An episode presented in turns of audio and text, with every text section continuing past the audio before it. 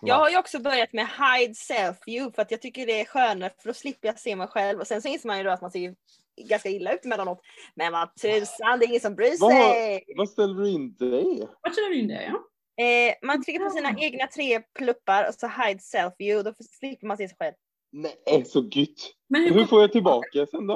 Eh, då tror jag du går tillbaka till eh, view och sen så show self-view. ja.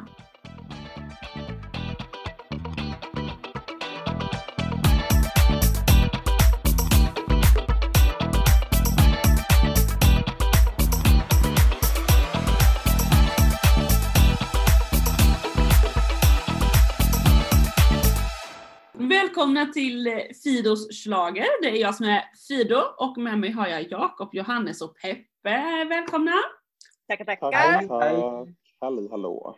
Och vi har vår del fyra i inför Eurovision eh, avsnitt. Så vi är på de, nu kan jag inte säga, åtta näst sista bidrag. vi ska alltså gå igenom åtta bidrag idag, sen har vi sju bidrag kvar som vi kommer gå igenom nästa vecka. Och sen inför eh, Eurovision-veckan så bjuder vi på lite special special, men mer om det nästa avsnitt tänker jag. Eh, En fråga gänget. Möter ni några personer som säger eh, när börjar den här stora melodifestivalen? jag fick den frågan på lunchen idag och jag bara kände så här. Eh, ska jag ens bemöta frågan? Melodifestivalen har liksom varit. Du bara, ja, första veckan i februari. Nej, men hur hanterar du det Johannes? Nej, jag sa kommentarer som jag fått från något annat sammanhang tror jag. Men det är ungefär som att jämföra allsvenskan med eh, Champions League. Och då, då fick jag, då plötsligt blev det igenkänning från fotbollsfansen i, eh, bara, aha okej, ja ja, nej det, då, just det, det, nej, det är något helt annat det där Eurovision då. Ja. Ja, det är ju fascinerande. Jag, I helgen, Nässjöbo som jag är, så hejade jag ju fram vårt kära Nässjö till sin första semifinal nå- någonsin i basketligan då va. Mm. Och eh, så läste jag på lite. Ja men då är semifinalerna, jag tror det var åtta matcher i varje semifinal liksom. För att, och då, då sa jag den, jag bara, och folk tycker det är mycket med sex veckor, med, eller med fyra deltävlingar i Melodifestivalen.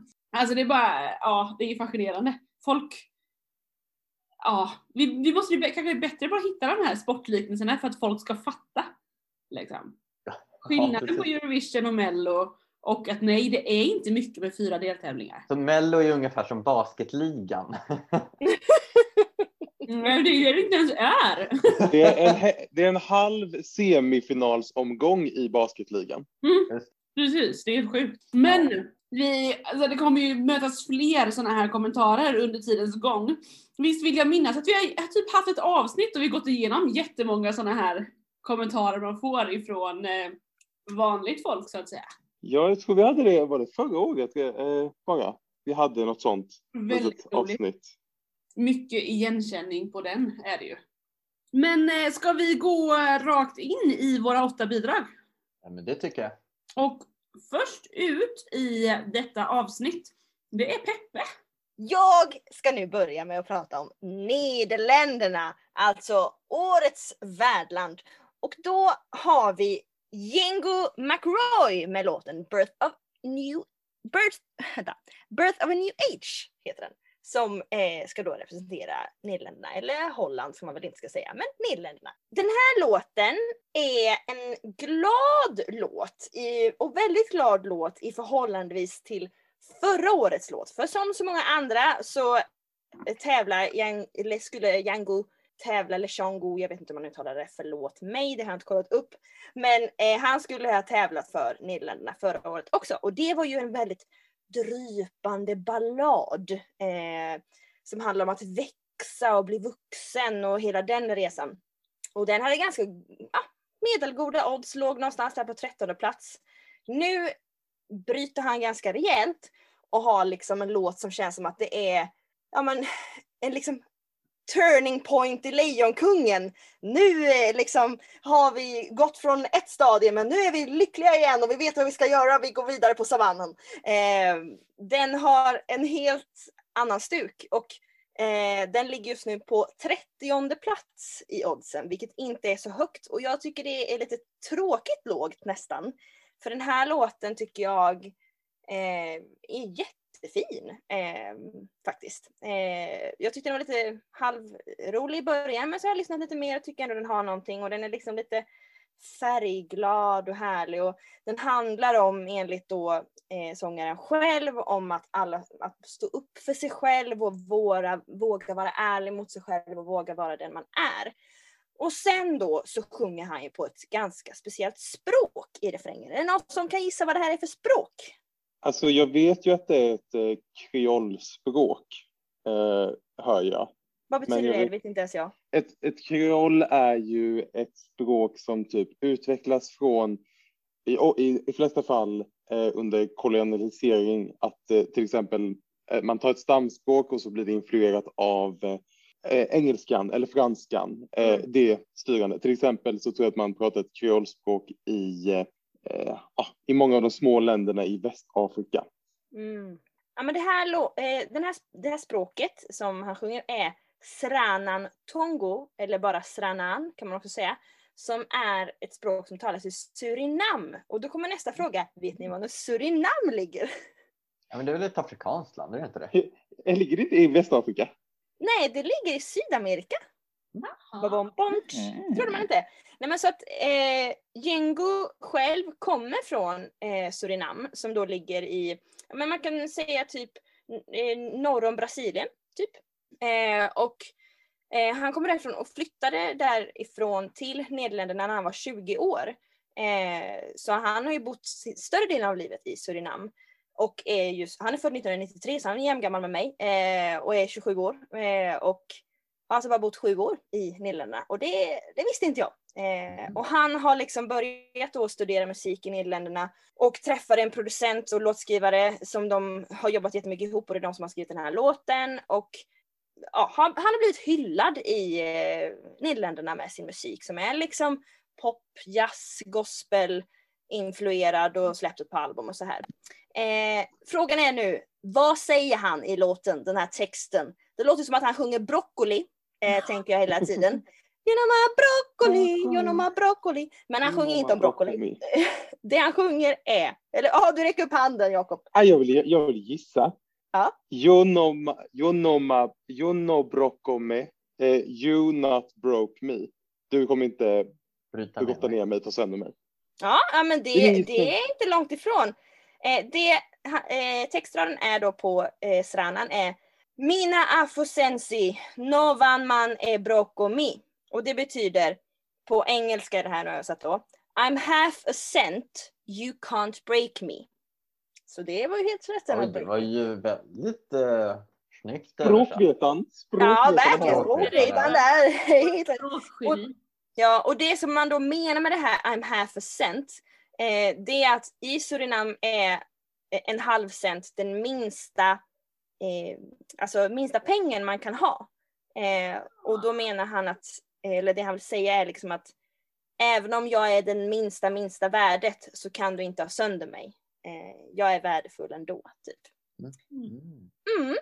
Så det var eh, allt jag hade att säga om eh, Nederländerna. Alltså, eh, ibland när man inte känner till eh, texter och förstår vad de sjunger och sådär, då är det så här, jaha, det här låter ju liksom som det låter. Och sen när man får veta lite handling bakom och lite text, och, eh, just det du sa nu, då så, och då, undrar, då tänker jag för mig själv så här, växer låten då i mina ögon? Blir det här en bättre låt helt plötsligt? Kommer jag tycka mer om den här? Och så bara, ja, ja lite tror jag. Fast Mm. den kommer nog inte, den landar inte uppe på favoritplatsen hos mig. Men den steg kanske något snäpp. Ja, Ja men den kanske ligger som favorit än så länge i det här programmet i alla fall. Jajamän. Ja men för mig så steg den nog lite och för mig har den nog stigit lite hela ju mer jag har lyssnat på den. Det var en sån som många andra jag blev lite besviken på i år. Det, det här, jag tror att det här 2020, 2021, det, det är inget bra upplägg för mig. Nej. Jag vill veta vad jag får och så när jag inte fick det jag trodde jag skulle få så blev det lite jobbigt liksom. För att det Ja. här är ju något helt annat. Däremot jag gillar hans röst och uttryck och sådär. Men den är lite för eh, spretig för mig tror jag. Jag gillar den, jag gillar verkligen förra årets mer lågmälda ballad, känslosamt. Eh, däremot är den ju härlig såklart, den är ju lite liksom skön. Men eh, det ligger ju i mitten halvan någonting för mig. Men jag tycker också att den är härlig faktiskt. Eller jag tycker, jag tycker refrängen är god och att den inte är på engelska liksom. Eh, och, men ändå så lätt att man kan sjunga med i den direkt egentligen. Eh, sen så tycker jag ju, alltså jag blev ju chockad, chockad när jag fick höra att han var 93. Mm. Eh, för att efter förra, låt, eh, förra året med det här AA-möteslåten som han Ja. hade då, Mm. jag tänkte att det här, det här är ju en vuxen man, han är ju typ 40. Liksom. men sen bara, nej, han är typ lika gammal som jag. Och det tycker jag väl att, jag tycker att den här låten känns lite mer ungdomlig på det sättet. Inte ungdomlig så här, oh cool pop girl, utan mer känns lite kanske mer rätt hans ålder. Mm. Just det. Vi går vidare till eh, nästa bidrag i dagens avsnitt och det är Belgien. Och Belgien de skickar bandet Hooverphonic med låten The Wrong Place. De hette Hoover bara från början. Men för att inte bli för ihopblandade med andra grupper och dammsugarföretaget Hoover så bytte de namn till Hooverphonic. Ja, det är ju lätt att bli ihopblandat med dammsugarföretag.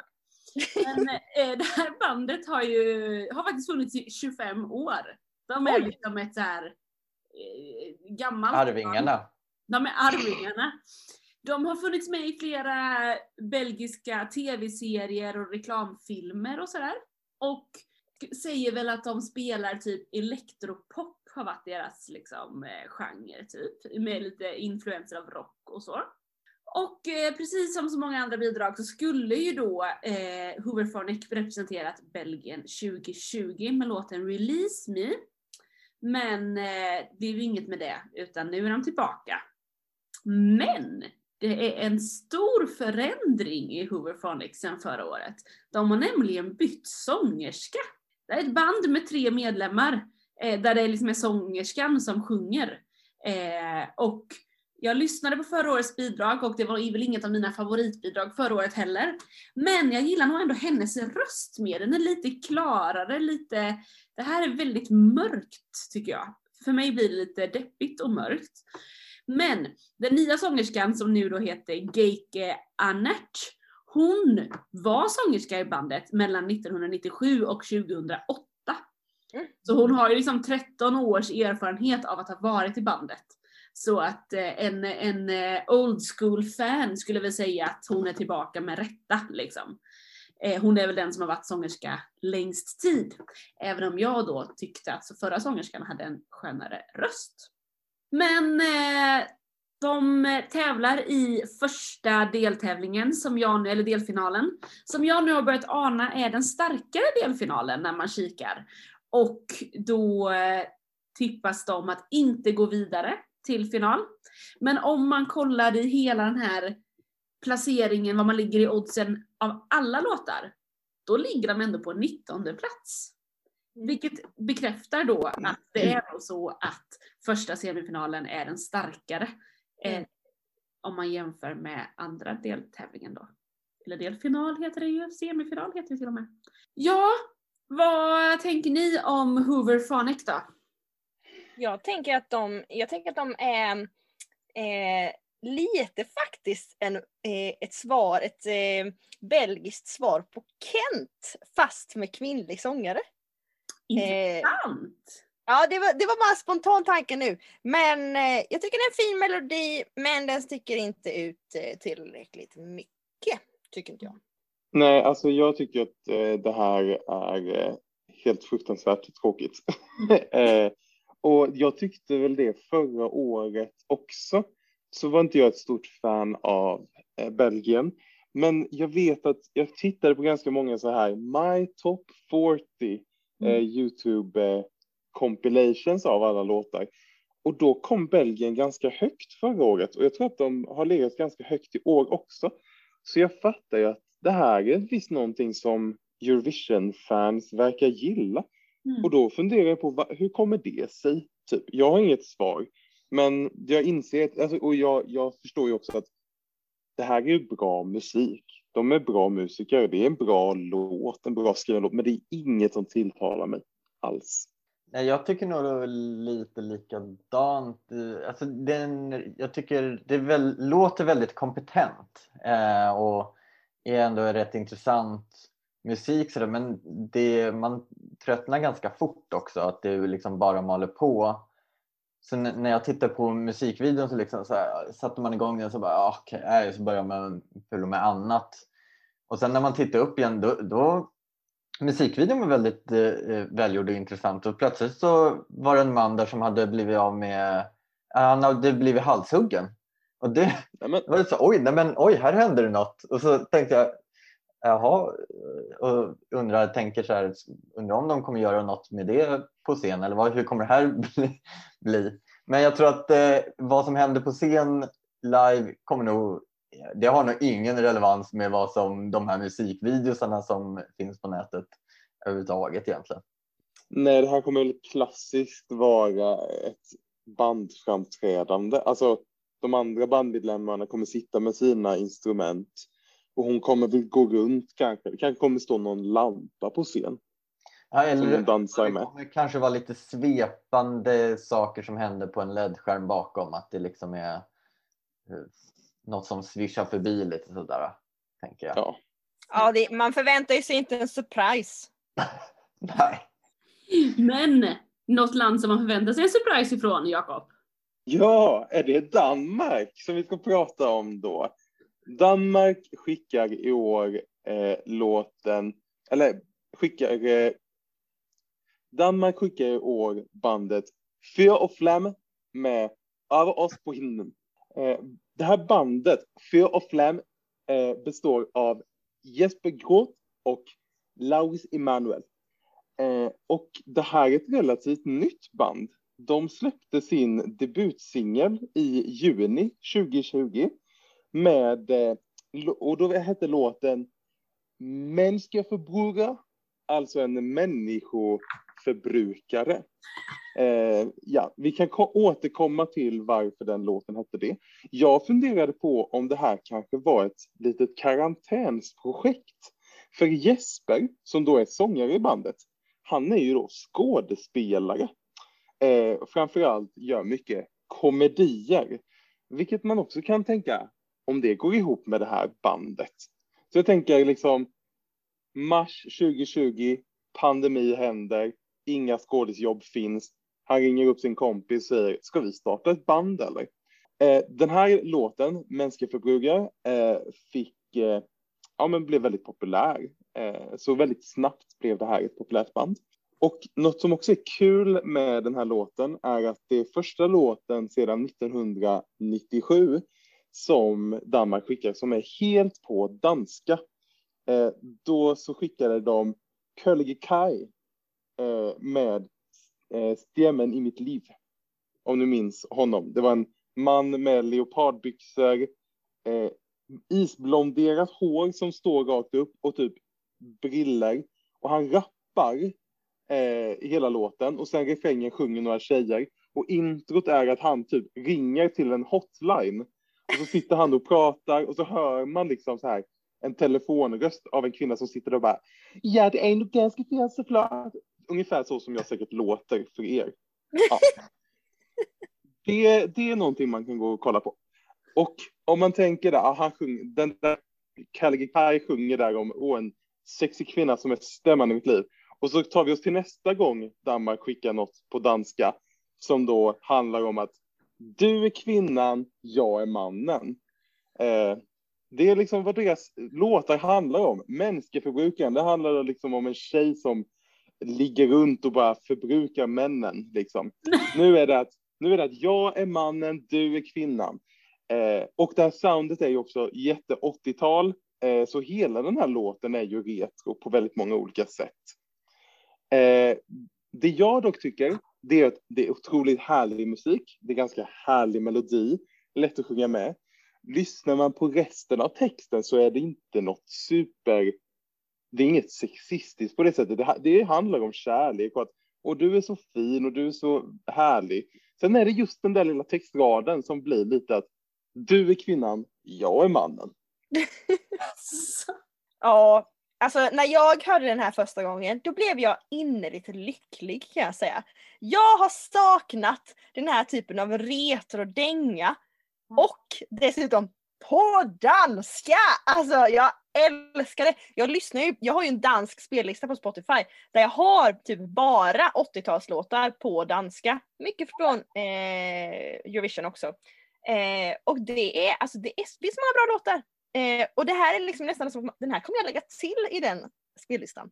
Eh, den är superhärlig men jag håller verkligen med om att den går tillbaka på tiden på ett sätt som jag vet inte. Nej, det är lite, det är lite tröligt. Jag gillar att det är så färgglatt och så upptempo för det känns ganska mycket ganska nedtonat i årets Eurovision. Det känns som att den kommer sticka ut med sin, alltså genom, eh, vad säger man, men den är ju liksom glad rakt mm. igenom. Och det är färgglatt och det är upptempo och det är käckt och det är på danska och det, alltså allt det där. Det får den liksom många poäng hos mig för bara för att den bryter av lite och är, är härlig. Mm. Eh, men jag skickade den till min eh, kompis som eh, älskar danska och hon började typ skratta och trodde det var ett skämt i och med att han är skådespelare då. Hon bara, men är det ett skådespel, alltså är det ett, ett skämt liksom att de har gjort det här, satt ihop en specialgrej. Men det verkar ju ändå inte vara helt så utan de verkar ju ändå liksom satsa på musiken fast de gör det med glimten i ögat vilket jag uppskattar. Ja, men ett, ett seriöst ploj har man ju alltid uppskattat, tänker jag. Och jag gillar ju också att det är, det är liksom schlagerklyschigt. Mm. Det är som eh, eh, Erika Wikman i Finland förra året i deras uttagning med eh, Cicciolina, mm. eller Ciccolina, som också är en så här super, super klyschig slager på eh, hemspråket. Mm. Eh, det är ju, det är ju fantastiskt. Och det är klart att det är plojigt, men det är plojigt på ett, alltså man tar plojeriet på ett seriöst sätt, liksom, vilket är fint. Jag tycker ja. att den här sångaren, ser inte han ut lite som Oscar Sia? I, ans I ansiktet, inte i eh, kroppen i övrigt. Tänk på det nästa gång. Ja, jag, jag, är, jag, är, inte riktigt beredd på att hålla med, men jag ska tänka på det nästa gång, absolut. Jag tänkte säga, det var en komplimang till den sången. Det enda jag har tänkt på är hans väldigt, väldigt urringade linne och han har något stort hjärtan-tatuering mitt på bröstet. Och då har jag funderat på, vad får han för skådespelarjobb med den tatueringen? Äh, det går säkert. Mia Skäringer har väl tatuerat hela armen och handen, hon får jobb ändå. Jo, jo. jo. De sminkar över. Det är ja. sånt som händer. Ja, man kan vara påklädd när man skådespelar också. Mm. Eller avklädd. Just det. Jag tycker det tråkiga med det här är, när vi, när vi talade innan om så här, my top bla bla bla bla bla, på såna, eh, när man kollar på sådana på Youtube, att den här ofta ligger typ sist. Alltså folk tycker den här är så dålig. Och då, det tycker jag, det håller inte jag med om. Folk får ha lite, kan inte folk ha lite ironi i kroppen? Och bara njuta av att den är lite härlig? Ja, och det är extra härligt att det är på danska just. Det är ju Exakt. många som tar den enkla vägen, eller man ska säga, och eh, man kanske gör uttagningen i sitt hemland på hemspråket, men när det väl är till Eurovision så byter man till engelska. Men det är ju härligt att vi får lite låtar på hemspråken. Verkligen. Nu har vi pratat om tre bidrag. Vi har pratat om Nederländerna, Belgien och Danmark. Jakob, vilken är din favorit? Eh, ja, men jag väljer Danmark. Eh, det är ingen stor favorit, men av de här tre så är det min klara favorit. Johannes? Jag tror nog att jag... Eh... Oh, de var ju jämn eh, medelmåttiga de här. Eh, så jag tar nog Belgien av dem. Peppe? Ja, men det blir nog Danmark också. Tätt följt av Holland. Nederländerna, förlåt. För mig så är det också Danmark tätt följt av Nederländerna, absolut. Johannes, du får ta oss vidare.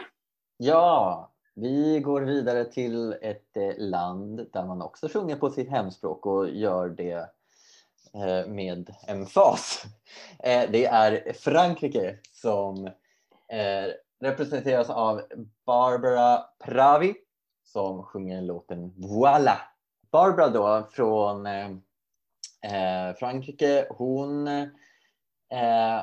har Alltså hon har varit med i Eurovision-sammanhang en del på senare år, men främst kanske i Junior Eurovision Song Contest där hon har skrivit eh, en del bidrag både eh, 2019 och 2020 för Frankrikes eh, representanter i Junior Eurovision.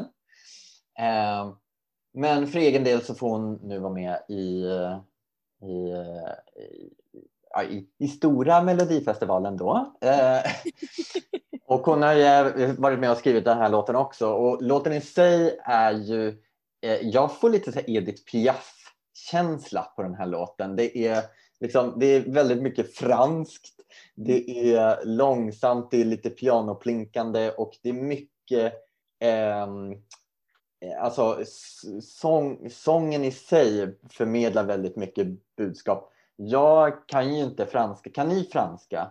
Ypperligt Ja. dålig. Ja. Jag eh, körde texten bara i Google Translate till engelska och till svenska och tänkte att nu kanske jag ska eh, förstå vad det handlar om. Jag var lik, alltså jag förstod ingenting, varken på svenska eller på engelska he- heller. Så att, eh, jag tror inte texten, eh, den kanske betyder något, men jag, jag har verkligen ingen susning. Men eh, Pravi, hon är... Det finns ju något tema ändå som vi har berört eh, eh, i årets Eurovision som en del eh, eh kommer med. Och det är ju det här med kvinnliga rättigheter. Eh, och även eh, Barbara då eh, är väldigt aktiv i kvinnorättskampen och eh, just vad det gäller eh, ja, kämpa mot eh, våld mot kvinnor eh, och den eh, delen. Men eh, ja, Frankrike kommer med en låt på franska i årets Eurovision. Vad tycker ni om det? Jag tyckte det var spot on med Edith Piaf, eller jag tänkte säga att det här är typ som man tänker att en låt, en fransk låt ska låta. Mm. Så, så här låter den. Eh, liksom, ja. Men verkligen, det är ju en jätteklassisk eh, fransk eh, låt. Eh, jag har väl aldrig varit något fan av just den typen av musik. Eh, därför är det inte en favorit hos mig. Men det verkar ju vara en favorit hos väldigt, väldigt många andra om man kollar på oddslistorna så att säga. Den är ju, ligger ju som tvåa på oddslistorna att vinna hela faderullan. Vänta, ligger den här låten som tvåa att vinna all, alltihopa? Jajamän. Har det ändrats? Den ligger som tvåa att vinna alltihop. Wow. 14 procents chans. Men jag tror att den är så favorittippad för att den känns så, tråkigt ord, men tidlös. Den Mm. känns som att den kommer vara lika bra eh, om 20 år som den är nu. För att den är piano, det är hon som sjunger, det är enkelt, det är inga syntiga trummor utan det, det är den här låten och den hade kunnat vara skriven för 20 år sedan också. Ehm, Mm. och det tror jag gör den till så här, det, många tycker att det är ett bra hantverk. Eh, och det ska ju uppskattas. Eh, och det ska det väl. Eh, och jag kan tycka att den är jättevacker trots att Mm. detta kanske är då inte en genre som jag egentligen brukar uppskatta så mycket. Men, men eh, ja, det är roligt också att hon har en eh, basker i videon tycker jag. Det spär på den här franska stilen ännu mer. Jag saknar bara en baguette. ja, men jag, jag tycker också, eller jag tror att det jag gillar med den här vid, eller låten är eh, nog, jag kan ju gilla något så här minimalistiskt liksom. Eh, men jag tror att jag också gillar att själva videon är ju lite våldsam. Eller den, den visar ju mycket det här kvinnovåldet, men det är mycket, det slits och det dras och det händer massa och så är det ändå bara det här lugna som pågår. Jag hoppas ju att de gör något som speglar det på scenen. Att det, alltså, det får gärna hända ganska mycket, att den konflikten syns i eh, numret. Då tror jag att det kanske kan bli ännu starkare. Liksom. Ja, So, uh, so if any any in the French delegation now is listening to Fido Schlager for the rehearsals next week, you know what to do. För de har nog inte alls bestämt redan hur deras nummer Nej, det. Nej, men man vet Jag alltid. kollade på, på eh, Eurovision The Story of Fire Saga i helgen. Där märker man ju det. De visste ingenting innan de började ställa sig på scenen på repetitionerna. Då började de ju liksom få koreografi och allting. Exakt, Och den är ju sanningsenlig. Precis. Är det någons nya favorit i kvällens, eller i denna veckans avsnitt? För mig så, så tar den faktiskt över, eh, över Danmark. Jag tror faktiskt att den gör det på mig med. Men det är så jämnt. Men jag tror det är att den, den har... Den, Danmark är roligare och jag skulle hellre dra på den på en fest. Mm. Men om jag vill eh, gråta lite här hemma i min ensamhet, då blir det Frankrike. Alltså alltid när någon säger något så här eh, smart som Peppe sa eller så här, det känns som att när du säger åh, jag skulle aldrig dra på den här på en fest och så har inte jag sagt det innan fast jag säger att det här är min favorit. Då tänker jag att nu kommer alla tro att jag är en sån psykopat som skulle dra igång den här låten på en fest. Nej, Jag är inte så. Nej, det är du. Ett, du Party är inte en pooper. psykopat om du drar på det på en fest. Två, eh, du kan tycka att den är bra ändå. Ja, tack. Ja. Det är ju ändå en viss typ av låtar som man drar igång på en fest och en viss typ som man inte drar igång på en fest. Så är det ju. Men jag är kvar på Danmark. Vad är du Johannes? Eh, nej, men jag är nog kvar på Belgien tror jag. Men ska vi gå från den som ligger tvåa på oddslistorna just nu till den som ligger etta på oddslistorna just nu då kanske? Det tycker jag absolut att vi gör. Och den som ligger högst upp i oddsen och har 20% chans i oddslistan just nu att vinna hela Tjottabaholli, det är Malta med, med låten Je me och artisten Destiny. Hennes låt är, skulle jag säga, en låt som hade varit ledmotivet, hade kunnat vara ledmotivet till The Great Gatsby. Låtskrivarna när de skrev den här låten eh, hade som intention att det skulle bli en riktig floor filler på ett dansgolv. Eh, och ja, jag tycker ändå att de har uppnått det målet ganska bra. Det är en fatfylld popdänga med 20-tals inspiration. Eh, Malta då har det ju gått, alltså egentligen helt okej för Eurovision men de har ju aldrig vunnit. Eh, bäst kom de 2002 med Ira Losko och Seventh Wonder och då kom de tvåa. Eh, och sen täv- tävlade hon igen 2016 i eh, Sverige och var gravid på scen och så vidare.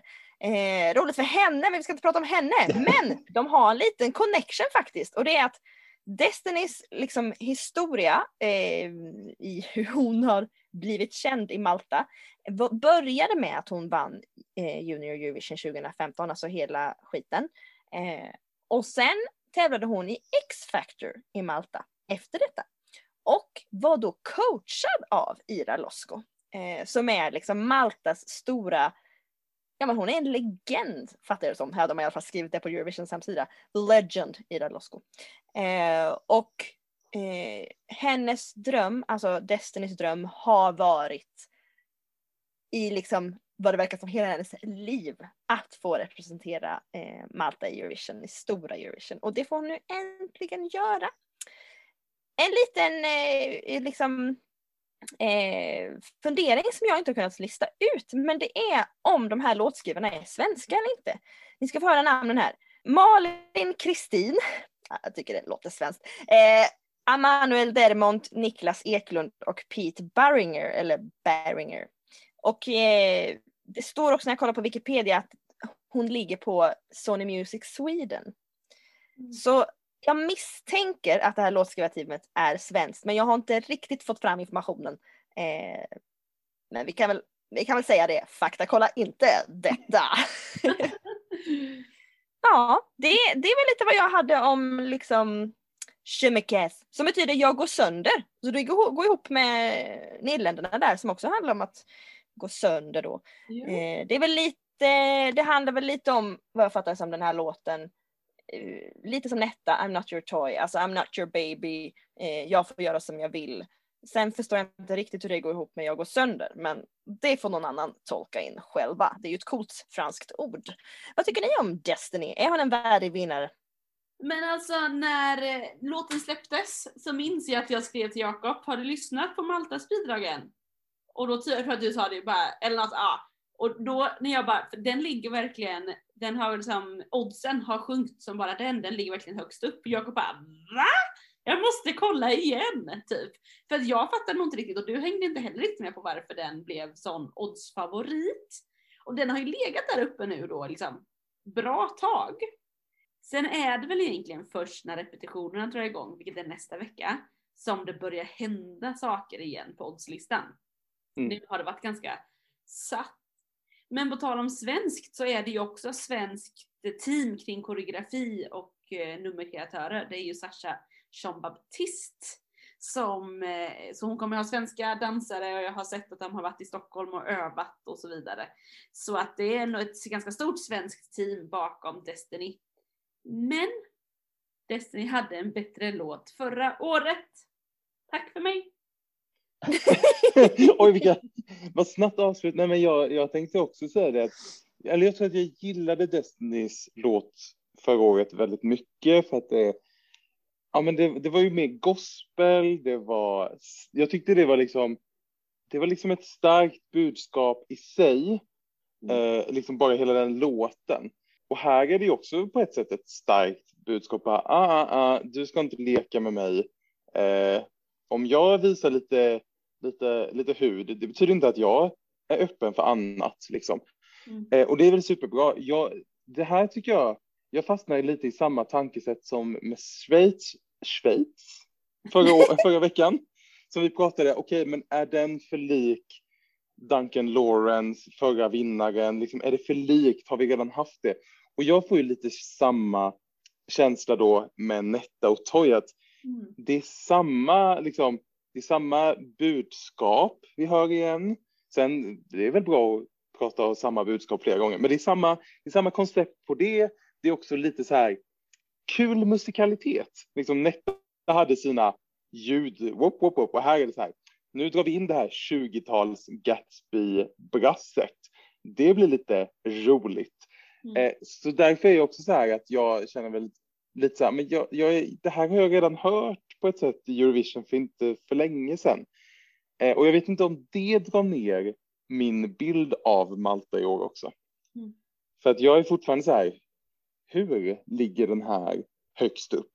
Mm. Men nu blir det så många tankar. Jag bara säger allt jag har tänkt på. Det är ganska länge sedan vi hade en sån här så kallad fanwank, tror jag, i Eurovision. Jag vet att eh, Itali Italien 2015 var det det, eller 2016 16, med 16 med Ordidada Karma 17. 17. Gorillan helt enkelt. Ja. Den låg ju liksom superhögt och bara åh den kommer vinna, den kommer vinna. Så gjorde den ju inte det. Eh, och sen så vet jag att vi pratade lite om med Netta och Toy så här, åh kommer den hålla, kommer den verkligen gå hela vägen eller är det en fanwank? Var inte det och så vidare. Så jag är så här, oh, undrar om Malta är den här fanwanken i år. Att den ligger super, super bra till nu innan Mm. men inte kommer hålla hela vägen. Att det bara är fansen som gillar den, typ. Ja, jag, jag hoppas ju att den håller. Jag är ju ett fan och jag, jag tycker den här låter eh, bra. Den här har ju också gått på repeat eh, hos mig eh, ganska mycket. Jag tycker hon är ganska lik också typ Ashley i, eh, i The Mamas. Ja, jag det är jag så tänker, sant. är det här The Mamas fjärde eh, medlem som, eh, som eh, in, ja, nej men så att eh, och, jag tycker den här låter bra, är härlig eh, och sådär så det ska bli spännande att se vad de gör. Brukar inte Sverige rösta ganska och ge höga poäng till Malta generellt? Eller Och Malta ger Malta till oss. poäng till Sverige. Ja. Jag, jag brukar alltid försöka säga till mina kompisar, ge nu höga poäng till Malta, för de ger alltid höga poäng till oss. Eh, så vi liksom, Ett givande och tagande. ett givande och tagande, exakt. Inget kommer gratis i Eurovision, ska du veta. Obs också att hon är, hon är hon, slutligen, hon är bara 18 år. Det vill jag bara tillägga. Hon Oj, är så, är det sant? ja. Hon född 2002, fyller 19 i augusti. Ja. Mm. Det är häftigt, det är häftigt. Men jag gillade ju Förra året var jag mer som en, då tänkte jag att den skulle vara ett hot mot The Mamas för det var ju en modern gospel på ett annat sätt. Just Nu det. det, det känns lite påklistrat och just att hon är så ung. Jag tycker det hade varit coolare om hon var äldre. Eller? Jag Hade vet. det varit coolare om hon var äldre? Men, ja, nej jag vet inte. Jag får sminka på lite rynkor då så. Nej men det är fint. Nej, men, men, nej, men jag tror att det här pratade väl eh, jag och Peppes syrra om, tror jag. Jag menar att så här, hon är så ung. Känns det trovärdigt, det hon sjunger i den åldern hon är, typ? Eh, det är också alltid spännande att prata om trovärdighet. Ja men det gör det. Och så, jag var inne och touchade på det i min tanke. Sen blir jag så här, ja fast det är klart även om du är 18 så ska du ju kunna liksom, eh, du är inte någons tillhörighet för det. Nej, verkligen inte. men, eh, men jag förstår vad ni menar. Jag tycker, och jag tycker att det, jag vet inte. Men jag, jag gillar den nog mer och mer ju mer jag lyssnar på den. Men jag, men jag tycker att det var bättre förra året och jag har nog ändå svårt att se att den skulle vinna. Men vi får se. Eh, vad står den i favoritskap i det här avsnittet för er? Ja, men jag byter till eh, Malta. Det här är min favorit hittills. Ja, jättesvårt. Jag, eh, jag kan inte välja. Nej, jag, då säger jag att jag håller... Nej, jag, jag tar också att jag byter till Malta. Jag byter till Malta. Ja. Jag står kvar på Danmark. Och jag står kvar på Frankrike. Och med det så går vi till Nordmakedonien. Och Vasil, som han oftast kallas, men eh, i Eurovision-sammanhang så heter han faktiskt Vasil Karavenliv med låten Here I Stand. Vasil skulle ju varit med förra året eh, med eh, låten, nu har glömt bort vad den låten hette! Kommer ni ihåg? Nej, ingen aning. Nej. Nej. Han skulle ha varit med förra året i alla fall. Jag kan inte googla. Eh, och i eh, videon som är släppt till den här årets bidrag så börjar han med att han sitter och pratar lite och så berättar han att liksom när Eurovision ställdes in så så bröts mitt hjärta i tu och allt rämnade och ja, men det är så dramatiskt. Eh, och så säger han men så gick jag och satte mig vid pianot, nu kommer jag inte ihåg exakt, det är lite parafraserat ska ni veta. Men, och jag började spela och till mig så kom låten Here I stand. Och sen så sjunger han låten. Och det är så pampigt och så mäktigt och så perfekt. Hans skägglinje är lika perfekt som liksom låten. Allt, ja. Och med det skulle man kunna tänka att det är lite för perfekt. Men när man då säger att det är en, en klassisk ballad, en musikalballad, så får det gärna vara perfekt för min del faktiskt. Han är en otroligt bra sångare. Eh, han växte upp i Nordmakedonien, men som 12-åring så flyttade han till USA, där han då har präglats mycket av den amerikanska musikalscenen. Började som barn sjunga i Chicago Children's Choir, studerade musik i Italien, flyttade tillbaka till eh, eh Nordamerika och började plugga musik. Så han har examen från University of Toronto Opera School. Så han är ju liksom en klassisk sångare präglad av en musikalscen. Och med det sagt så är ju den här låten precis det. En klassisk musikalballad med en grymt bra sångare. Eh, och det här är givet och upplagt faktiskt för att typ ta över Stad i ljus som sista låten på festen där alla sjunger med. Det kommer in en liten gospelkör på slutet, det är mäktigt. Jag gillar det här, det här är nog lite av min guilty pleasure kanske i årets eh, bidrag. Kanske inte något som jag går igång på men när jag lyssnar på det så blir jag såhär, oh, det är riktigt bra. Det är mäktigt, det berör mig. Lite för perfekt men äh, skitsamma, jag är med. Men oddsen säger då att den inte går till final. Och till och med ligger på 31 plats om man kollar allt som allt. Mm. Så eh, jag vet inte, det kanske inte kommer gå så bra för Vasil. Alltså, om, alltså min guilty pleasure i det här är ju hans härliga ryggböj i eh, videon. Liksom, jag, jag skulle verkligen säga att det är ett måste innan Eurovisionveckan drar igång att alla våra lyssnare måste se den här videon. För det är liksom en klassiker. Jag har visat den till så många och bara titta på det här skådespeleriet han gör i början när han ska prata om och hur sorgligt det är. Och det är liksom så här, det är ett så fejkat leende som han samtidigt försöker göra som han fejkgråter. Och alltså det är Men så är det liksom. så fejk tycker du?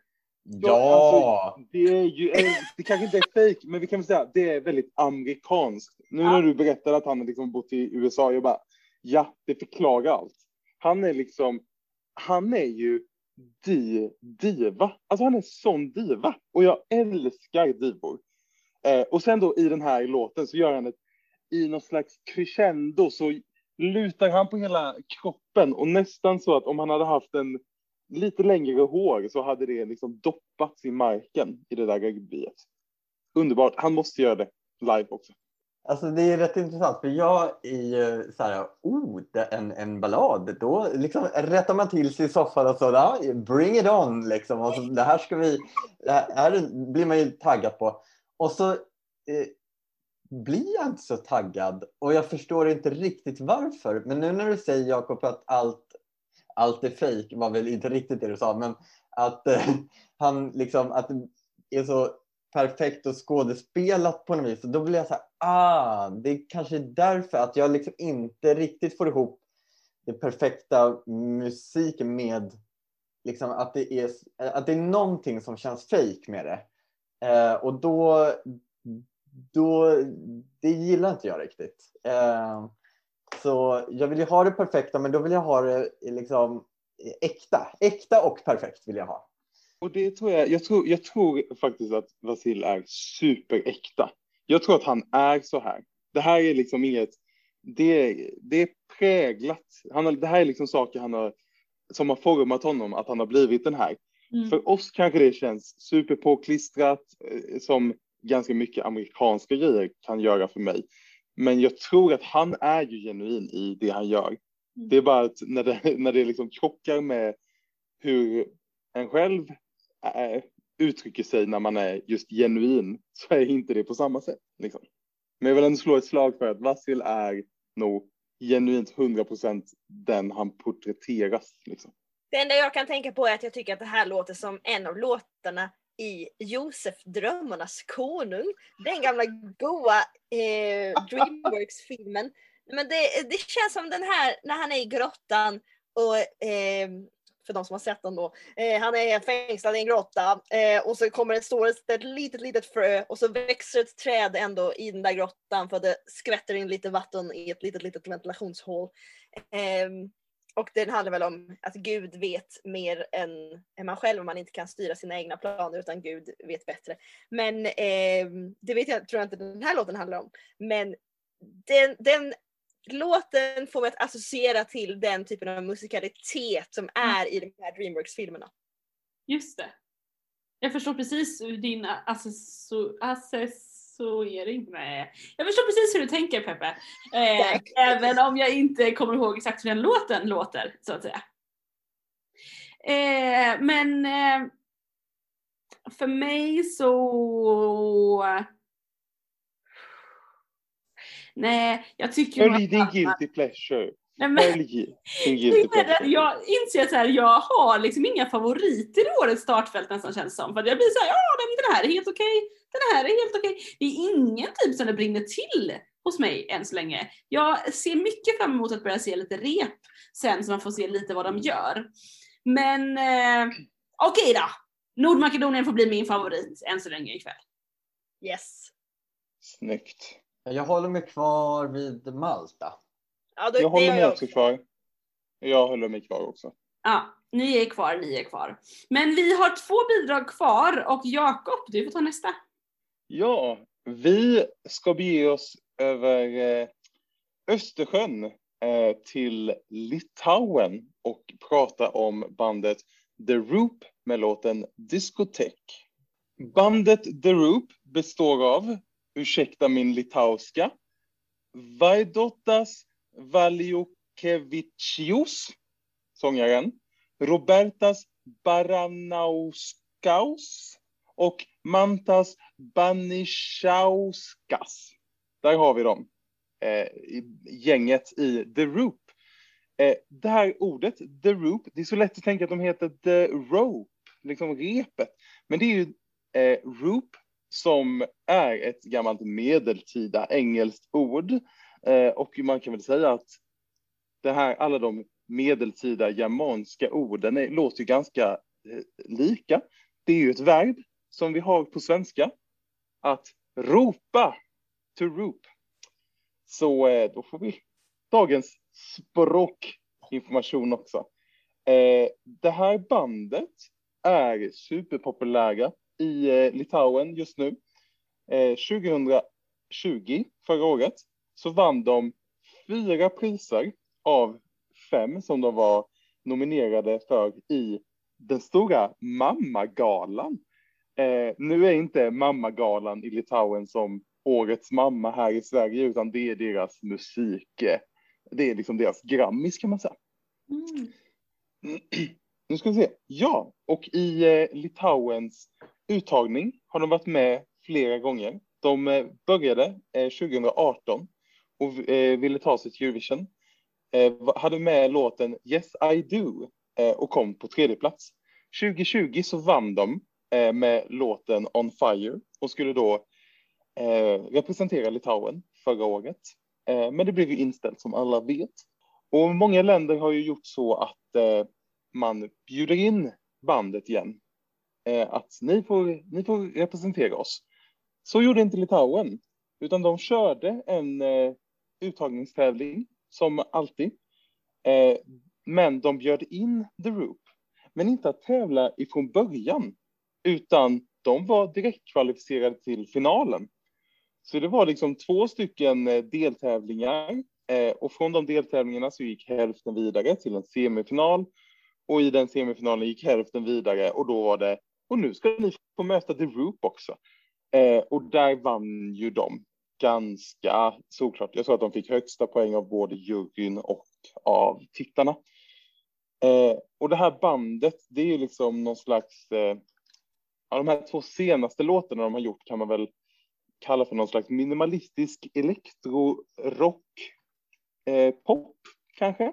De eh, har ju klätt sig i monokroma färger. Förra året så var det mycket rött eh, och i år så är det gult. Vi får se vad det blir för färg eh, i, eh, på Eurovision-scenen. Om det blir någon annan eller om de håller sig till gult. Och de har ju också då eh, förra året och i år små minimalistiska danssteg. Det är så att alla ska kunna vara med och dansa. Förra året så hade de händer bakom huvudet som små eh, fjädrar. I år så har de en som jag tycker är skitsvår, men det är den här gamla Star Trek-handen. Där man ska liksom eh, sära på lite fingrar på olika sätt. Titta, folk kan det här, jag kan inte. Jag kan inte. Jag är inte sån nörd som ni är helt enkelt. Eh, det bandet, The Roop, så måste jag ju också säga innan jag lämnar ordet fritt, diskotek. Det, jag känner ju lite att det här är någon slags blinkning till Pay TV Trendy Diskotek, en gammal favorit i Melodifestivalen. Tycker jag att den är lika bra? Kanske inte. Men eh, det, är, det är en bopp i alla fall. Jag sitter jag och tränar på, på handen. Jag tycker den är skitsvår också. Jag kan den verkligen inte. Jag kommer inte kunna den. Tills... Det blir liksom att alla... ja. Men um, hmm, jag fattar alltså förra året var ju folk väldigt såhär, åh de är så bra. Ja, jag tyckte nog inte det och jag vet inte om jag tycker det i år heller. Alltså, Förra året var de ju väldigt favorittippade till och med. Väldigt de hade nog lägst odds då och då. Jag tycker nog att de är lite bättre i år, men inte så att det är... Eh, uh... Alltså bra vet jag inte, men jag tycker de är roliga. Det alltså, de är färgglada. Det, det tyckte vi var positivt med Danmark. Det tycker jag nog är positivt med Litauen också faktiskt. Absolut. Och gul är min nya favoritfärg så att eh, Men jag tycker ändå de, de, de kommer ju in lite, ja, men lite som Danmark, de kommer in med eh, någon slags humor på ett seriöst sätt. ja. De vill ju göra något roligt, de gör en gimmick med liksom eh, klara färger och någon rolig dansmove och de är lite mystiska men ändå roliga och bjussiga. Och det kan jag uppskatta väldigt mycket, mer sånt i Eurovision. Mm. Absolut. Det, och det känns ju välgjort på ett liksom snyggt, kreativt sätt. Roligt. Alltså, så det är mer, alltså de tar det ju på allvar. Men på sitt Exakt. sätt. Det är jätte, det ska de verkligen få cred för. Ja. Men det, det är också klassiker med det här återkomma. Jag tycker att deras låt förra året var bättre. Nej, Den är be- Nej, det håller inte du med men jag, jag tyckte förra året var bättre och sen tycker jag inte den här är dålig men jag tyckte nog att förra året var lite bättre. Jag tror att det jag tycker är att den här låten i år känns mer färdig. Eh, liksom, den är mer klar, som jag kanske inte tyckte att förra året var. Men det som jag tycker är tråkigt är att förra året, då var det som att åh, vad är det här? Liksom, då var det något lite nytt, något jag inte var beredd på skulle komma. Mm. Nu kommer de tillbaka och man bara, ja, jag visste ju att det var det här som skulle komma. Då Men så är det nog. jag, ja, så jag tror att det är därför jag kanske också tycker att ja, det, var, det var roligare att höra förra årets låt. Så jag tycker att årets är bättre, men det dras ner för att jag visste redan vad jag skulle höra. Typ. Ja men exakt, det där är en jättebra analys. Jag tror att hade det här, låtarna hade kunnat vara i bakvänd ordning men då hade man tyckt att den här årets låt hade varit bättre fast den var för att den var först. Och det är någonting med nyhetens behag i deras eh, stuk, i deras väldigt speciella estetik och eh, musikaliska uttryck. Ja men så är det. Vi har ju ett bidrag vi inte har pratat om än som kommer nästa vecka som också var väldigt förhandstippat förra året. Där jag tänker också att det var lite så här, oh något nytt och oh, det här har vi inte sett. Blir jätteuppsnackat, inte lika uppsnackat i år. Men det kommer vi till nästa år. Men vi har ett bidrag kvar för i, i, ikväll. Men är Litauen någons favorit ikväll? Tyvärr inte. Nej. Då får vi se ifall sista landet kan knipa den platsen, Johannes. Ja, vi går till vårt grannland Norge och eh, artisten Tix som kommer med låten Fallen Angel. Jag har ju pratat lite tidigare, jag har ju tittat på eh, norska uttagningen eh, på NRK. Jag har blivit sån här NRK-knarkare eh, på senare tid. Och eh, den här artisten är eh, hans artistnamn Tix kommer från att han själv har Tourettes syndrom och därmed har, har mycket tics eller har haft.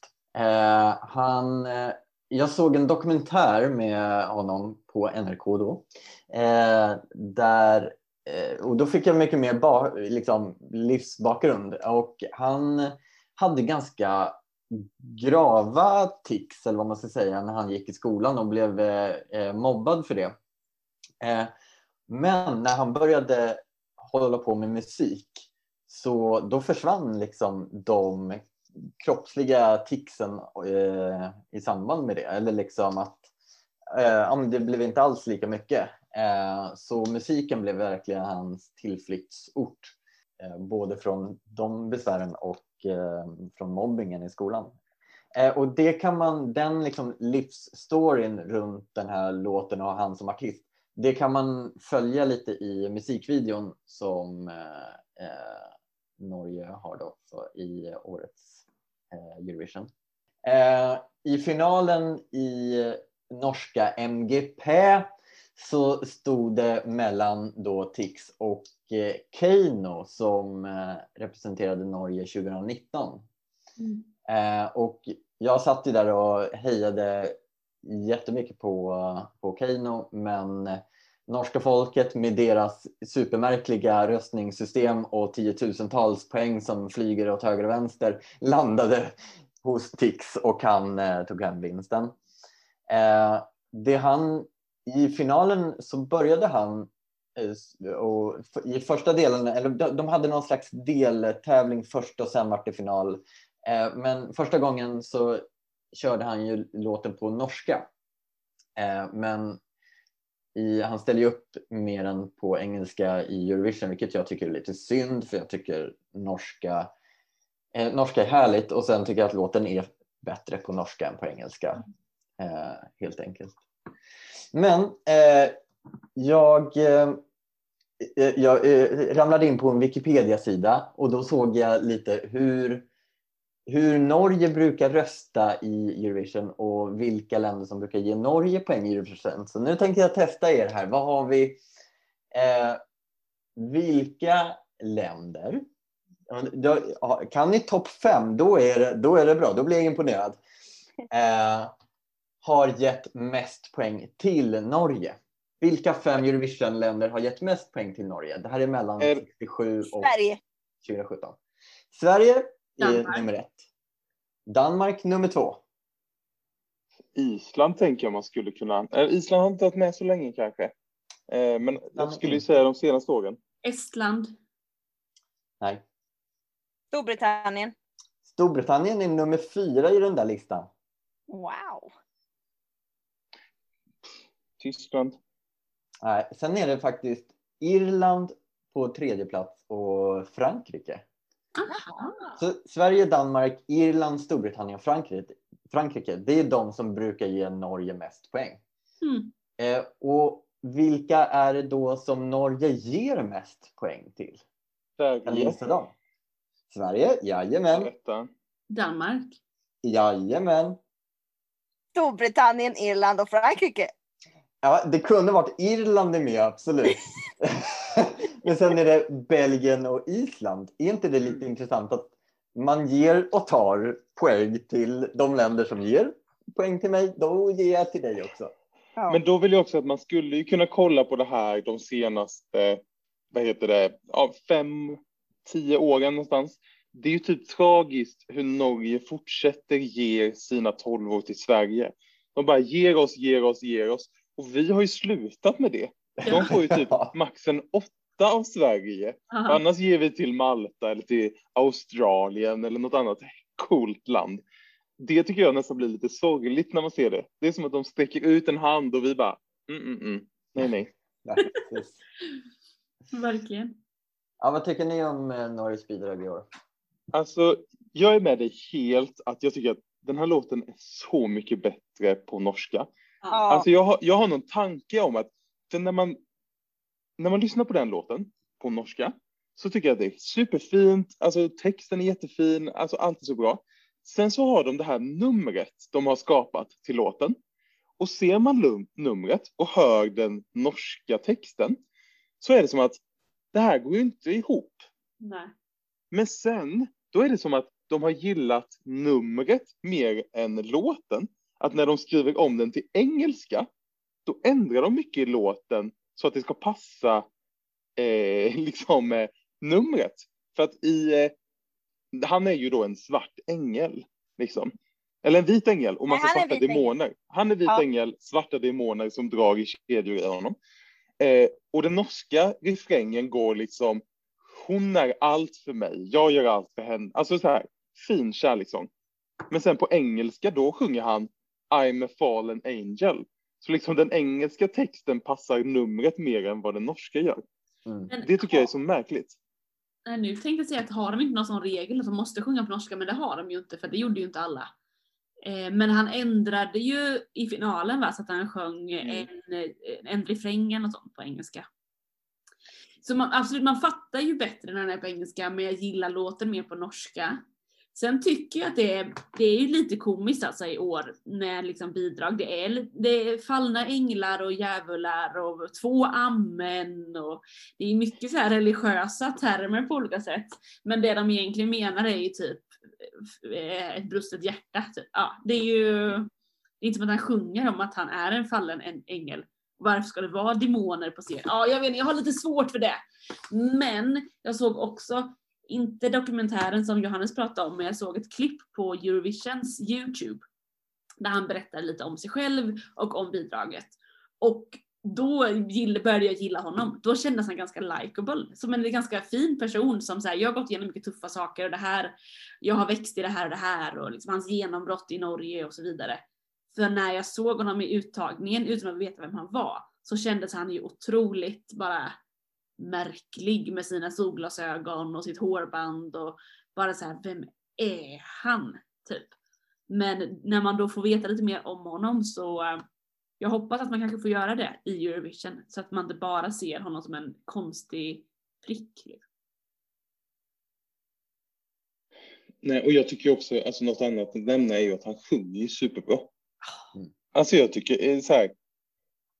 Jag känner så här lite att den norska versionen då skulle kunna bli en liten sommarplåga egentligen. Alltså den har de kvaliteterna.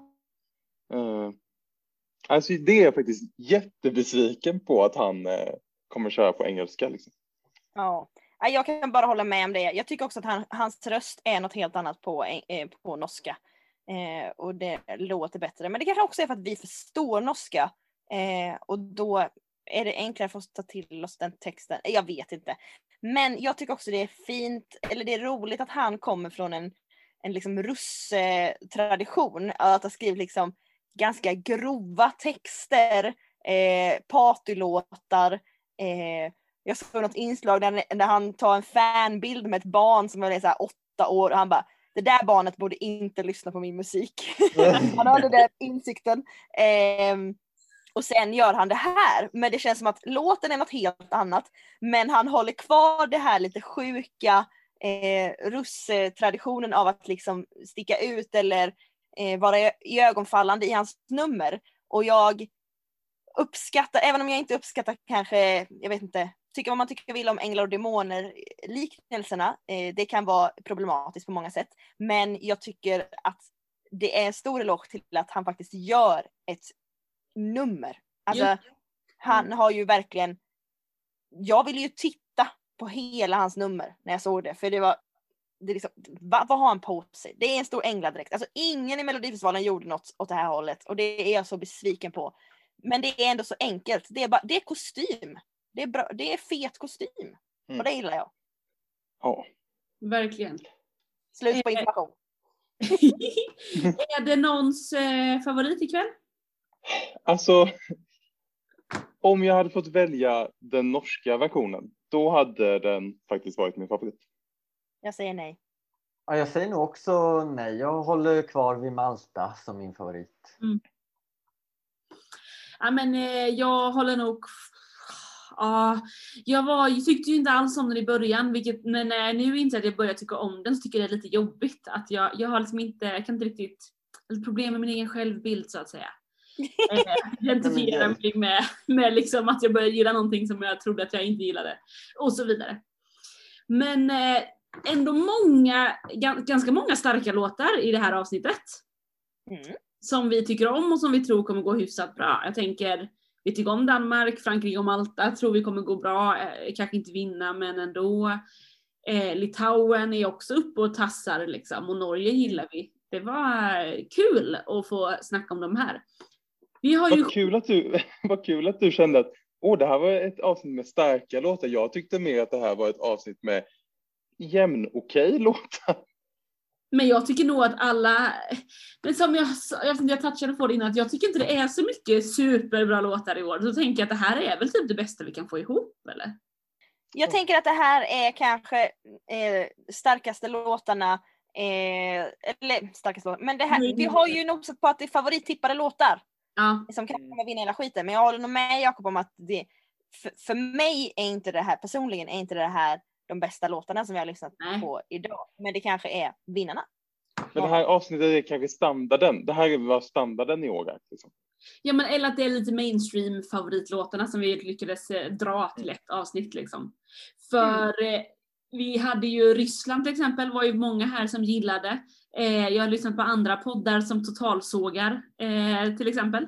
Så att vi har ju olika smak och stil, så är det ju helt enkelt. Mm. Men vi har sju bidrag kvar till nästa vecka. Johannes, vill inte du bara läsa upp vilka sju bidrag är det vi kommer att prata om nästa vecka? Ja, nästa vecka så blir det Irland, Cypern, Azerbajdzjan, Tjeckien, Polen, Island och Serbien. Ja men också ganska kul låtar känner jag. Mm. Eh, det blir roligt så kommer vi prata om de sju. Och sen under som sagt Eurovisionveckan kommer vi dyka upp på lite annat sätt. Vi kommer berätta mer om det så håll er eh, uppdaterade. Tack för nu och vi hörs om en vecka igen. Det gör vi. Det gör vi. Ha det, ha det! Fattar ni att det är jättesnart det är Eurovision för övrigt? Det är typ två veckor. Tack, hej. Helt sjukt. Puss och kram. Puss!